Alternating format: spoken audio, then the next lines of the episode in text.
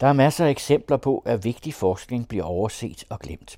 Nogle gange har det kostet enorme summer og tusindvis af menneskeliv at ignorere tilgængelig viden. Men hvor svært kan det være at forstå og bruge vigtig viden?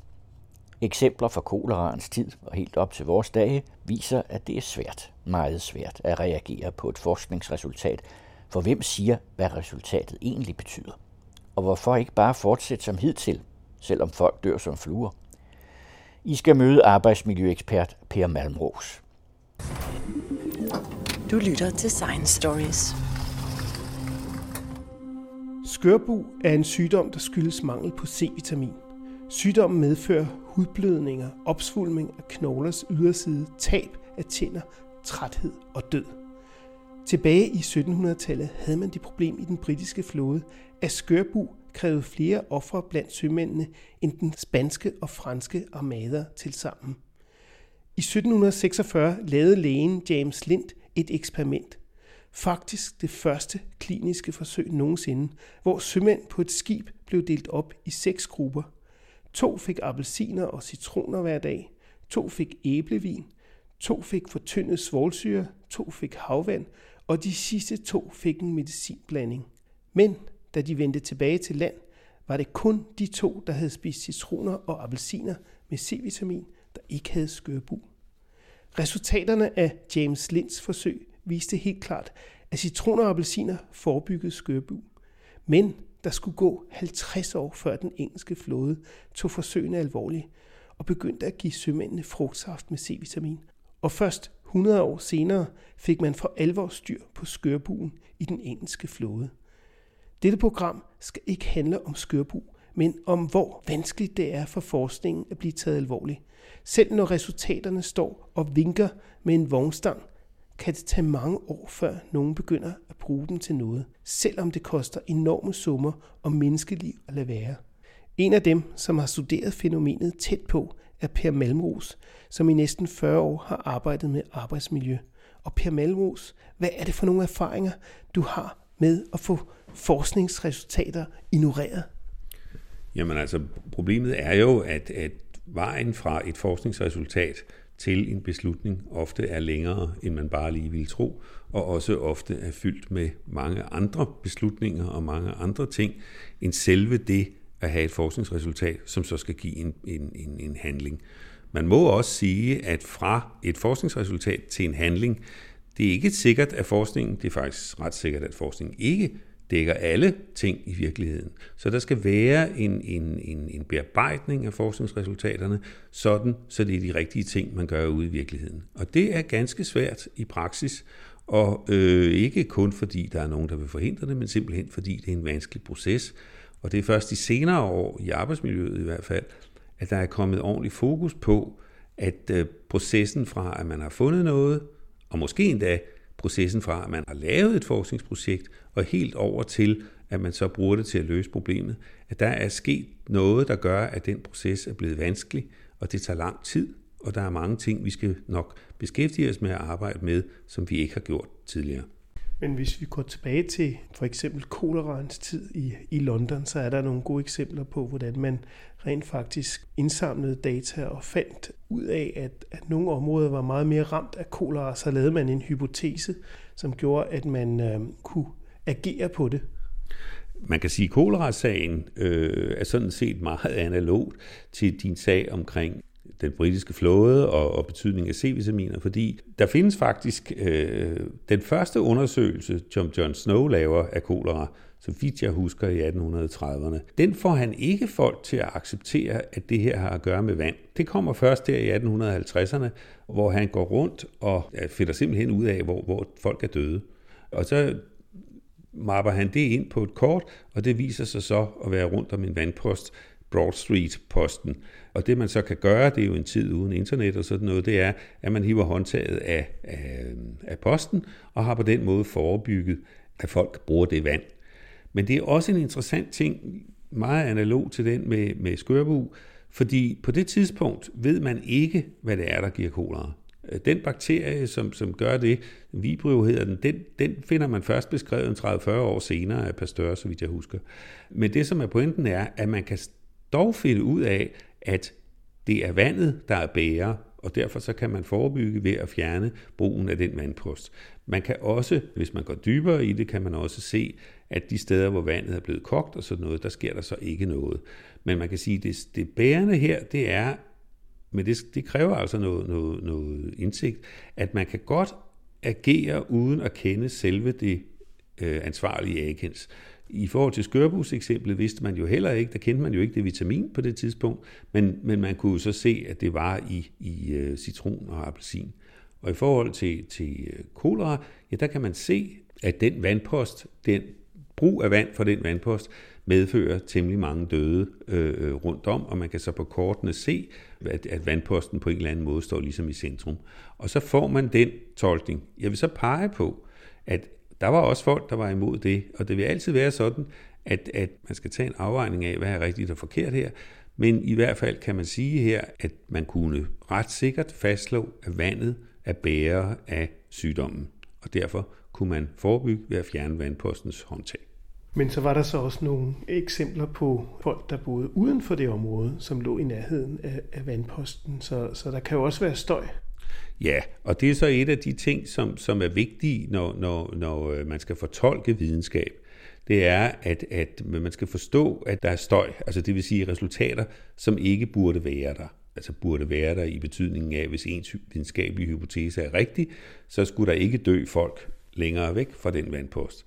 Der er så et godt beskrevet eksempel øh, øh, i, i litteraturen af en kvinde, der dør, øh, som ikke har den vandpost som, som, som sin primære.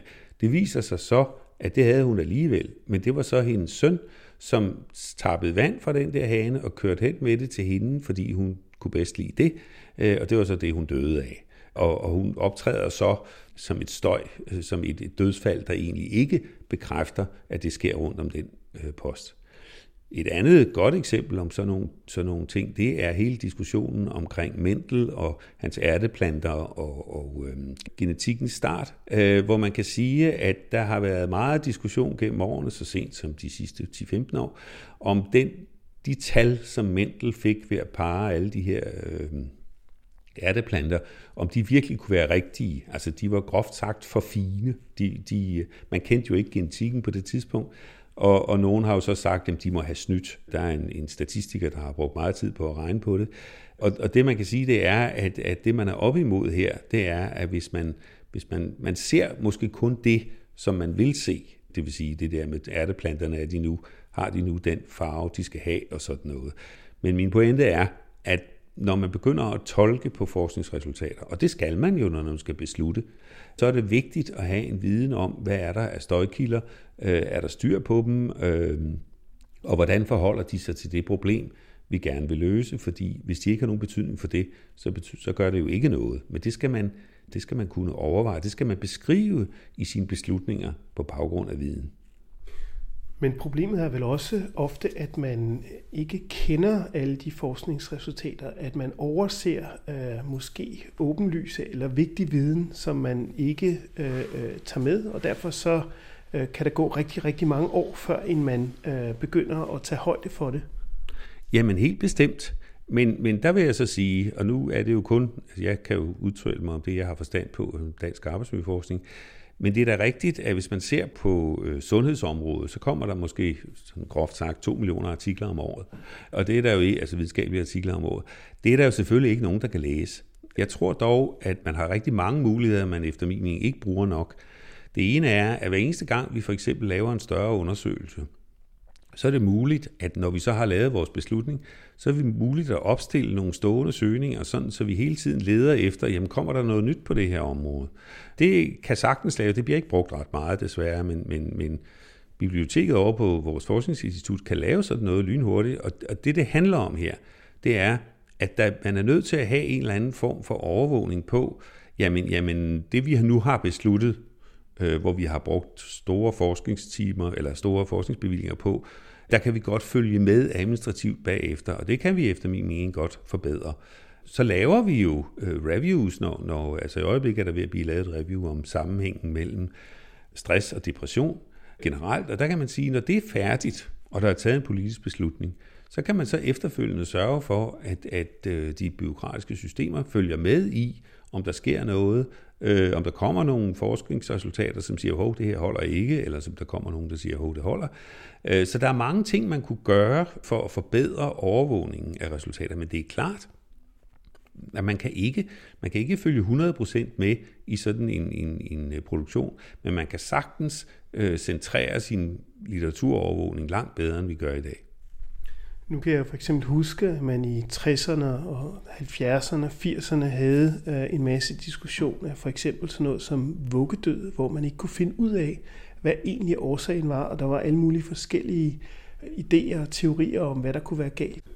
Der, der må man sige, at det der jo var, det var, at der var nogle anbefalinger til, hvordan man skulle lægge sine spædbørn til at sove. Nogle anbefalinger, som ikke var lavet sådan epidemiologisk, men var enkeltstudier, hvor man sagde, jamen det, og, og måske også var noget, der talte meget ind i vores intuitive opfattelse, altså det der med små børn, der gylper, jamen det kan de da nok dø af, og så må vi nok hellere lægge dem på maven.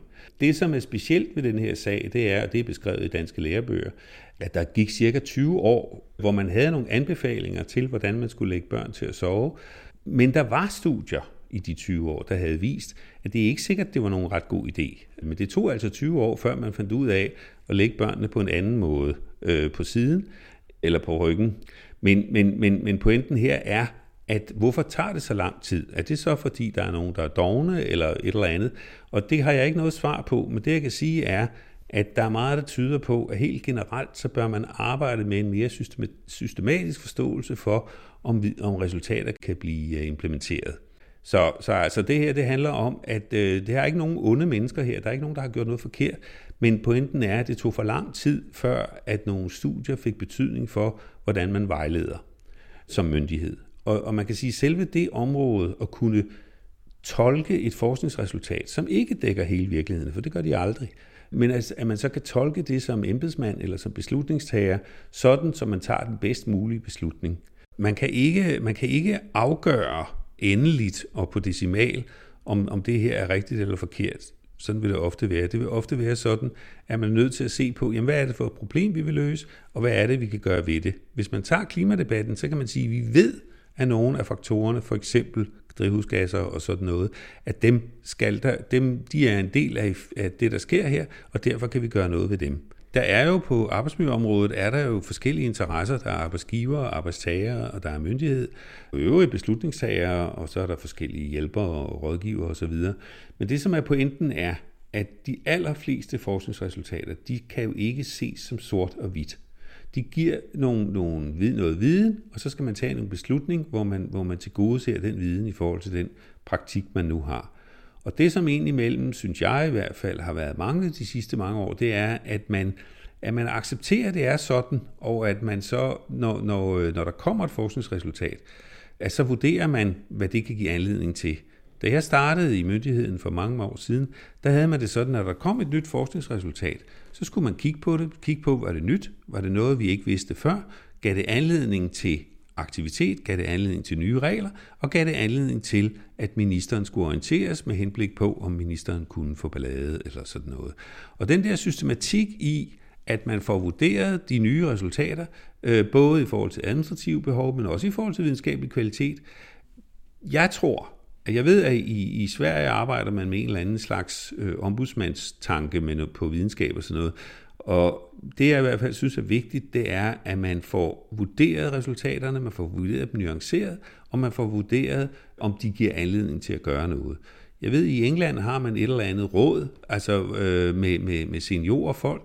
Altså hvis nu der for eksempel opstår en, en pressesag, som for eksempel der gjorde med brandmænd her for, for nogle år siden, at så kan man sige, jamen hov, venner, myndigheden, politikken bliver nødt til at spørge, jamen hvad, hvad er det her? Er det noget nyt? Er det noget alvorligt? Eller hvad skal vi gøre? Og i rigtig mange situationer, der kan man ende med, at det måske er vigtigt at sige, at vi har den viden, vi skal have, men vi bliver nødt til at følge med i, om der sker noget nyt her. Så jeg tror, at den der systematiske tolkning og bearbejdning af forskningsresultater, meget ofte er det jo også sådan, at det kan godt være, at man har et dansk forskningsresultat, men der er jo en hel masse andre resultater ude i den store verden, og hvordan hænger de sammen med det her? Det kan man gøre, altså for eksempel på brandmandsområdet, der kunne man jo se, at der var vist noget med nogle problemer i forhold til cancer, men man, man, øh, men man kunne ikke endeligt afgøre det, om, om det var relevant i Danmark, og derfor lavede man danske undersøgelser. Men jeg mener, at der skal være meget mere styr på, at man systematisk følger med i, hvad der kommer på de områder, der er prioriteret. Vi kan ikke følge med i alt. De der to millioner artikler, der kommer om året, det kan man ikke.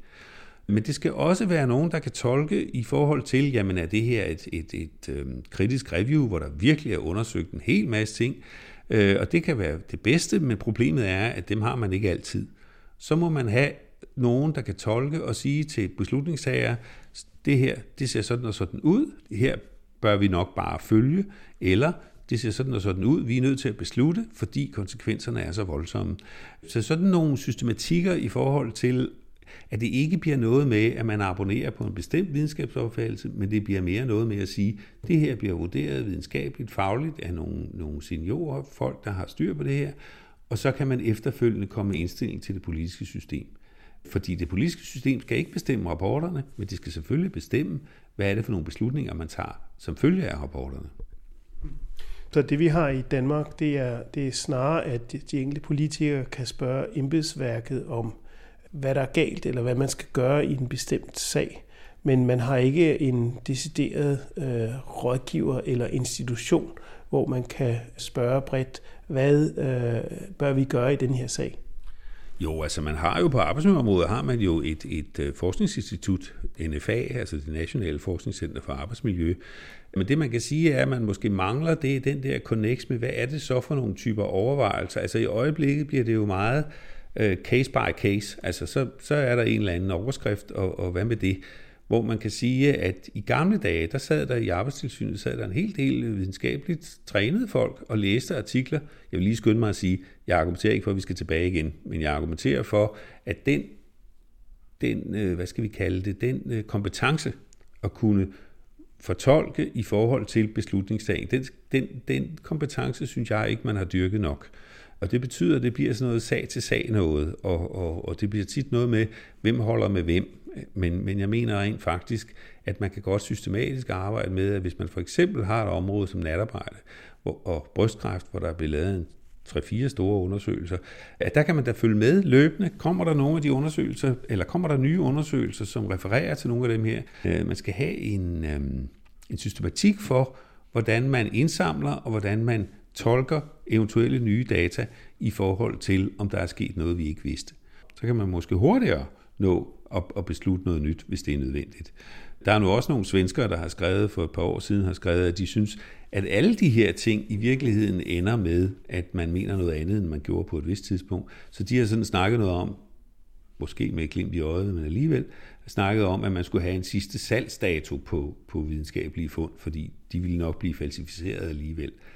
Det, som det handler om, det er, at man skal have nogle folk, som er trænet og som på transparent vis forholder sig til, hvad der kommer af ny forskning, og forholder sig til, om det er nødvendigt at gøre noget i forhold til det politiske system, i forhold til nye regler, eller i forhold til... Altså nogle gange er det jo heller ikke nødvendigvis viden, man mangler. Der er det måske mere noget med, at folk gør sgu ikke, hvad de får besked på, eller folk gør ikke. Folk, der, der sker ikke, det, det slår ikke igennem. Altså, øh, Se på sådan noget som brug af mobiltelefon. Selvom vi hæver bøde i bil, ved bilkørsel, selvom vi hæver bøder og alt muligt andet, så taler folk jo stadigvæk i mobiltelefon, mens de kører. Øh, også uden den er håndfri. Sådan noget som natarbejde, om det er skadeligt eller ej, det er jo noget, man kan finde ud af, og, øhm, og hvad, hvad gør man så med resultatet? Fordi der er jo nogen, som er interesseret i at arbejde om natten, og der er jo brug for, at nogen arbejder om natten.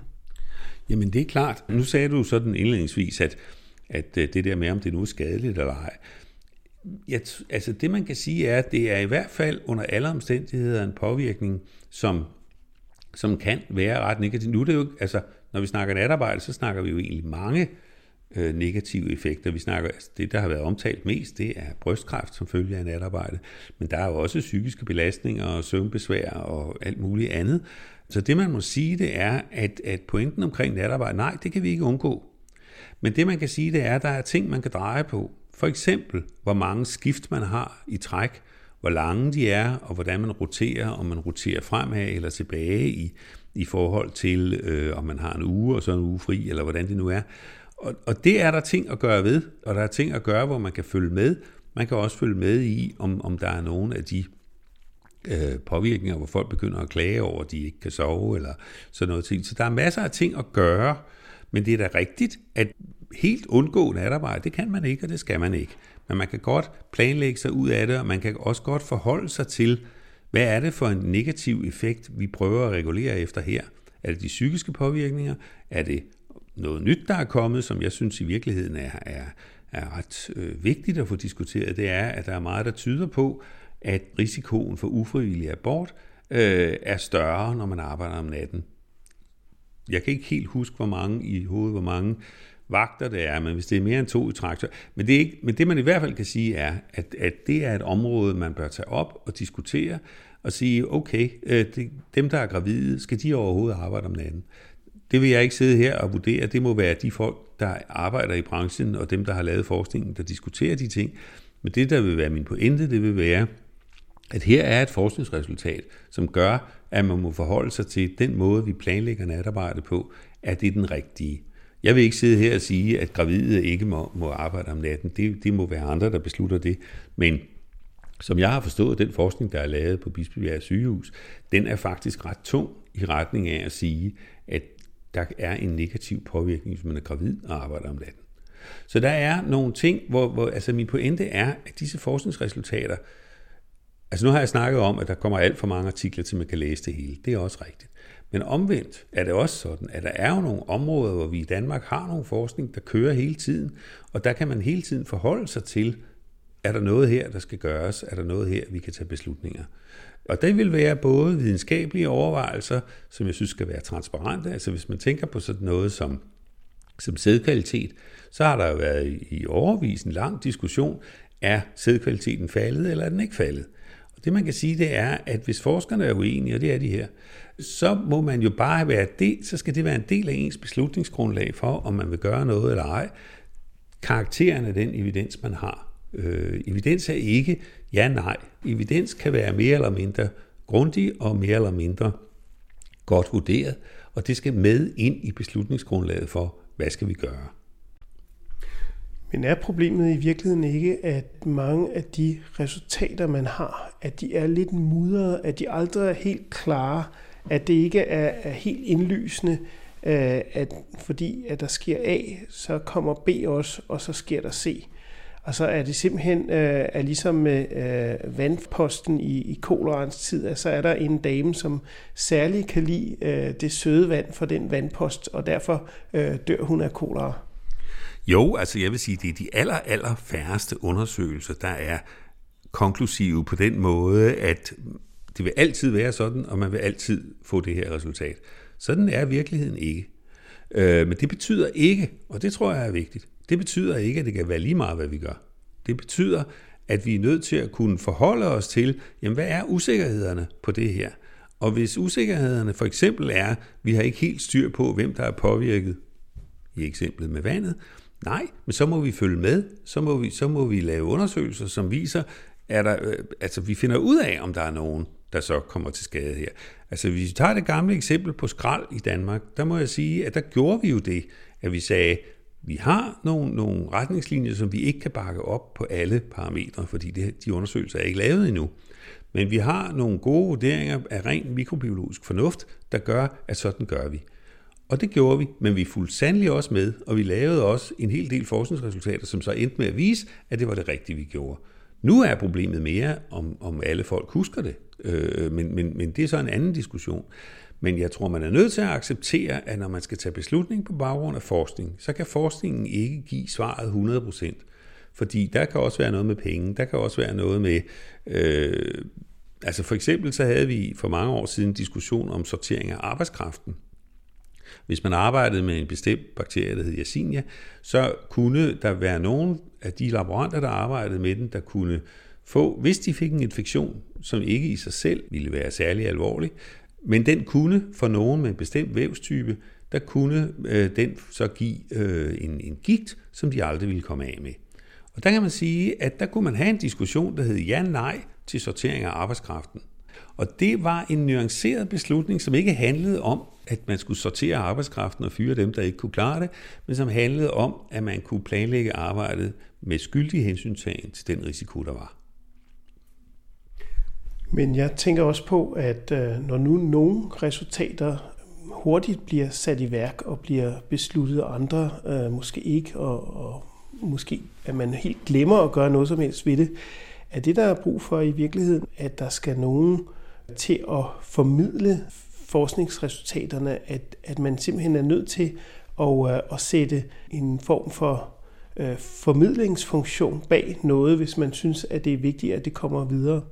Og jeg tror, der er mange af os, der nu til dags vil sige, at øh, vi, vi kan ikke klare os med formidling. Vi har fundet et dansk ord, som hedder vidensmobilisering. Øh, og det man kan sige, det er, at i, med skyldig hensyntagen til evidensens karakter, til de konkrete problemer osv., sammen, sammenligning med øh, viden fra udlandet osv., så, så kan vi sige, at konsekvensen af denne her undersøgelse, den bør være, at vi gør sådan og sådan. Og hvis ikke vi gør det sammen med de folk, eller med nogen, nogen har kaldt det science brokers, som, som altså formidler viden, men ikke som en, en, en klassisk, nu laver vi et foredrag, nu fortæller vi en eller anden artikel. Nej, at vi tager den del af den viden, der er produceret ind, som kan løse det problem, vi gerne vil løse. Og der har man så altså det der begreb, der hedder vidensmobilisering, hvor man siger, at vi er nødt til at få det præsenteret i en form, og det kan vi ikke gøre alene som forskere. Det skal vi gøre sammen med praktikere, rådgivere og sammen med folk, som har anden viden. Så man skal på en eller anden måde ikke bare formidle som et fyreaftensmøde, men man skal bearbejde forskningen, konsolidere den i forhold til øvrige forskningsresultater og præsentere den i en form, så det giver mening, og det skal så ske sammen med dem, der skal tage beslutningerne om, hvad der sker derude. Det der med at tro, at forskningsresultater de bare ligger og lige venter på at blive brugt, sådan er det jo ikke. Altså det er et hårdt arbejde med at sidde og, og tolke, hvad kan vi beslutte mest muligt begavet. Til gengæld vil jeg sige, at det er muligt. Jeg har arbejdet med de her ting siden 1980, og jeg vil våge at påstå, at hvis man har nogle systematiske overvejelser over, hvad kan forskningen, hvad kan den ikke, hvad er det, vi har lært, hvad er det, der er nyt, så kan vi også tage nogle beslutninger, som er væsentligt klogere end dem, vi tager, når vi tager dem ad hoc i en eller anden ophedet øh, politisk diskussion i pressen. Tak skal du have, Per Memros. Det var videnskabsjournalist Jens Deget fra Science Stories, som talte med arbejdsmiljøekspert Per Malmros.